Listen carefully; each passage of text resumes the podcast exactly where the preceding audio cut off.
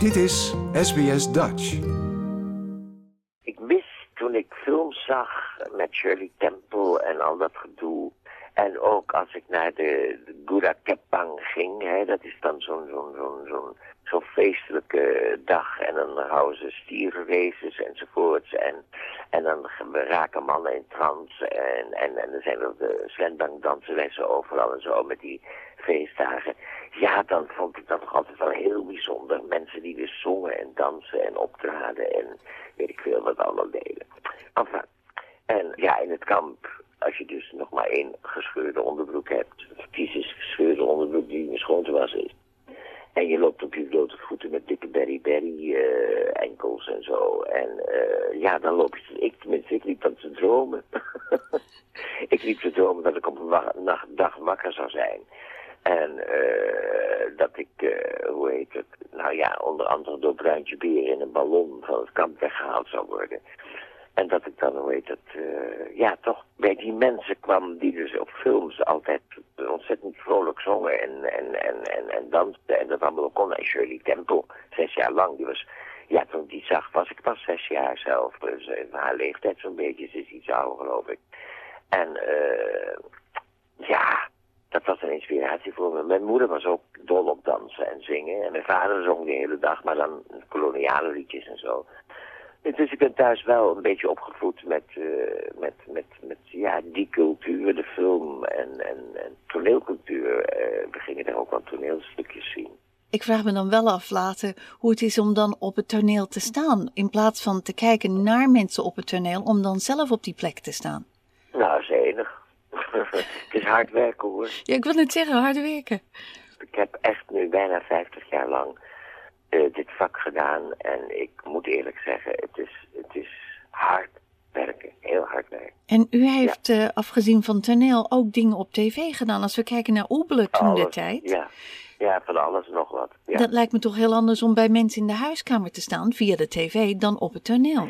Ja, maar dat merk je zelf niet. Je maakt je doet, kijk, je speelt je rol en dat vind je leuk. En uh, het leuke van toneelspelen is, het is toneelspelen. Je bent dus altijd kind, je blijft altijd spelen. Op een of andere manier boor je toch altijd uh, ja, verbeelding aan en, en, en je gebruikt je fantasie. En uh, ja, het is natuurlijk toch een heel creatief vak. En als je dat uh, fijn vindt om te doen en het ook goed kan en je kunt je ook erg goed inleven in een bepaalde rol, ja, dan is het heerlijk hoor, toneelspelen. Dan voel je dat je dus de mensen te pakken hebt. En dat je ja, mensen uit een, uit een ja, dagelijkse sleur kunt tillen en ze kunt laten vergeten dat ze een leven hebben en dat ze nu met jou meegaan in die illusionaire wereld die, uh, die ik dan uh, uh, oproep. Je, dat je dus ja, een, een, niet bestaande wereld oproept met figuren die je dus speelt. Waar die mensen door jouw waarachtigheid in moeten geloven en daardoor kunnen vergeten dat ze dus, nou ja, eigenlijk een ander leven leiden en dat ze er zitten om, ja, iets mee te maken, iets te leren of, of te genieten of de catharsis of wat dan ook het heeft een functie, toneel. En uh, ja, bewijs is wel dat het altijd nog maar doorgaat.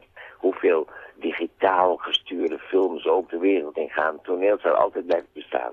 Dat echte, het waarachtige. Waar de mensen dus, uh, ja, gevoelsmatig mee betrokken kunnen worden, zou ik maar zeggen. Er was een periode in uw leven dat u dacht van, nou, ik heb het gehad met het toneel. En toen belde oh. iemand op. Ja, ja, ja. Ja, dat is wel. Dat is dan weer een hele andere ik had wending. Het gehad. Het, er was een heleboel gesodemieter aan het toneel. Er waren acties om het bourgeois toneel van het plank af te jagen. En ja, ik stond bij een gezelschap dat als bourgeois toneel bekend stond. Dus ik heb tomaten om mijn oor gekregen en rookbommen enzovoorts. Maar het is een, uh, een, een, een akelige, hoe heet het, actie geweest. Die ook is doodgebloed. En al die mensen die dat nu, die dat destijds hebben gedaan. En die waren dus heftig tegen het opsoeperen van uh, subsidiegeld voor bourgeois toneel. Nou, die doen al 35 jaar meer. het precies hetzelfde hoor. Van de subsidie eten en het lekker makkelijk houden. Enfin, het, is, uh, het was een, moeilijke periode. De, de actietomaat, ja.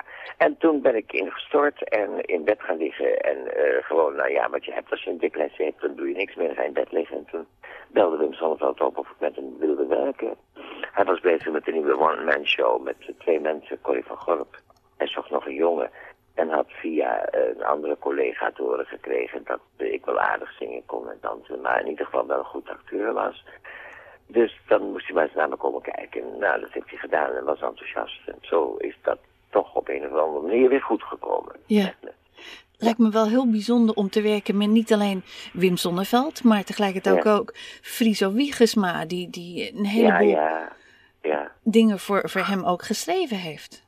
Uh, niet alleen geschreven, maar ook, uh, ja, het, was een beeldend kunstenaar. Hij prachtig werk gemaakt. Uh, hele mooie schilderijen, met krijt veel. En, en met, nou ja, echt, echt een prachtig man. En hele erudite man. En zo op de hoogte van cultuur. Dat was altijd het daar zijn. Met Zonneveld en, en, en, en, en Friso. Gingen Corrie en ik altijd elke middag, middag eten. En dan zat Wim te kakelen en te koken. En Friso had het dan maar weer over de Borgia's of weet ik veel.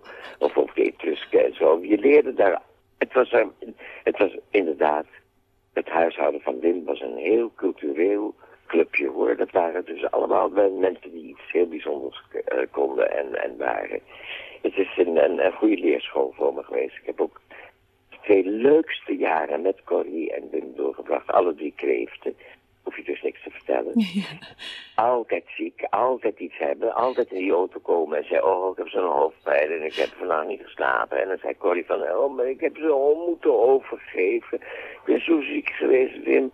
En dan zegt Wim, jullie weten helemaal niet wat ik meegemaakt heb. Ik heb de ambulance moeten bellen, want ik dacht ik ging dood, enzovoort, enzovoort. En dan zaten we elkaar te overtroeven in, in ziek zijn. En als we dan, hoe heet dat in de, de Schouwburg waren, dan was er niets meer aan de hand. dan hadden we onze ziektes weggepraat tegen elkaar. Nee, we hebben een ontzettend leuke tijd. Ja, ik heb ook gehoord, het was moeilijk om uw lachen in te houden met, uh, met Wim ja, Sonneveld. ook wel. Ja, en Wim was natuurlijk toch een echte, ja, door de wol geverfde rot. En een leuke man die ook zei, je moet het leuk hebben. En als het, uh, als, als het publiek merkt dat je, dat je zelf er plezier in hebt... Hè, Ja. En dan moet je ook af en toe gewoon zorgen ervoor dat je hè, onverwachte dingen doet en dat je het spannend houdt op het toneel. En uh, dat heb ik dus bij hem geleerd om enorm vrij te zijn en niet bang te zijn. Een, een, een ja, ja, zo'n zo'n ingestudeerde rol of een ingestudeerd nummer of wat je ook ingestudeerd hebt, elke avond maar gewoon te herhalen, maar er telkens gewoon een waarachtigheid in te stoppen en, en ook de pret die je hebt om, om, om, want wij deden natuurlijk veel vrolijke dingen met Wim, om dat te doen op het toneel. Nou, en dat is verrukkelijk als je merkt dat je mensen kunt, kunt laten lachen, mensen kunt laten genieten en, en, en kunt laten vergeten dat ze misschien uh, thuis een ziek kind hebben of weet ik veel.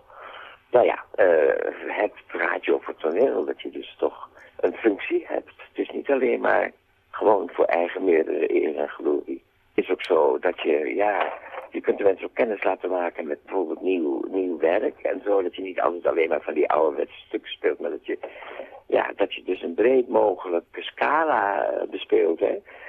Uh, avant-garde, uh, hoe heet dat, Saltimbank, uh, Feydeau spelen, dat zijn allemaal hartstikke moeilijke genres hoor, want vergis je niet, mensen laten lachen is moeilijker dan mensen laten huilen. Echt waar. en als we van de ene grootheid naar de andere gaan, Annie M.G. Smit. Annie Smit, ja, dat is natuurlijk een geweldige vrouw. En Harry Banning. Ja. Uh, haar vaste uh, componist, zou ik maar zeggen. Ja, dat was natuurlijk een, een voorrecht dat ik daarmee heb kunnen, kunnen werken. En dat die mensen werk voor mij geschreven hebben. Dat is uh, echt fantastisch geweest.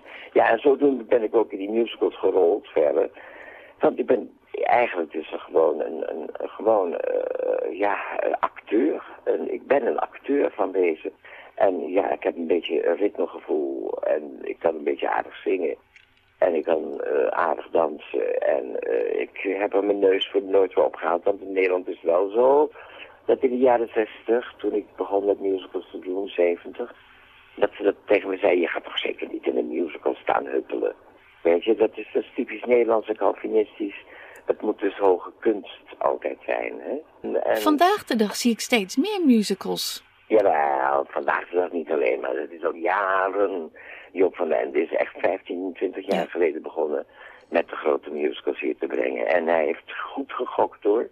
Want ze zeiden allemaal, je bent gek dat je een theater in Scheveningen en dat je daar musicals doet. Dat, dat, is, dat is binnen een half jaar is, uh, staat het leeg. Komt niemand meer. Nou, uh, die voorstellingen gaan er twee, drie jaar. En mensen komen uit alle delen van Nederland naartoe om te kijken. Want het zijn bijzondere voorstellingen en uh, ja, heel goed aangepakt en groot. En uh, het is een leuk theater. En ja, Joop, heeft, uh, Joop van den Ende dan, hè, heeft echt een, een, een, een, een, een injectie gegeven aan het toneelleven in Nederland. Door dus de musical tot hoog niveau te ontwikkelen, laat ik het zo zeggen. Ja. Vroeger waren het altijd maar slappe verhaaltjes met een liedje. Het zijn nu echt doorgecomponeerde uh, verhalen. En eigenlijk de moderne opera is het. Het is doorgezongen. En je moet verdomd goed kunnen zingen in, die, in, de, in de musicals uh, die de laatste twintig jaar geschreven zijn. Want het is bijna allemaal stemacrobatiek en belten en enfin, wat noem het maar. En het is, het is heel zwaar werken ook. Als je er nog bij dansen moet en zo. Ja, want u was uh, in Nederland ook betrokken bij de zoektocht naar uh, jo Jozef. Ja, ja, ja, ja. Evita en uh, Jozef. En nu komt in december gaan ze Mary Poppins zoeken. En een meisje van Mary Poppins. Ja. En dat vind ik leuk om te doen. vind ik echt heel leuk om te doen. Omdat je coacht en, en ik probeer heel positief te blijven. En niet mensen gewoon alleen maar afkatten als ze niet echt goed zijn. Maar gewoon, ze hebben auditie gedaan, ze hebben de, het recht om mee te doen aan uh, het programma. En dan moet je ze ook serieus begeleiden. En, ik moet zeggen, alle meisjes die bij Divita meegedaan hebben... en alle jongens die bij Jozef mee hebben gedaan... hebben allemaal werk. Ze hebben niet allemaal hoofdrollen, maar ze hebben allemaal werk. Like, deel, geef je reactie. Volg SBS Dutch op Facebook.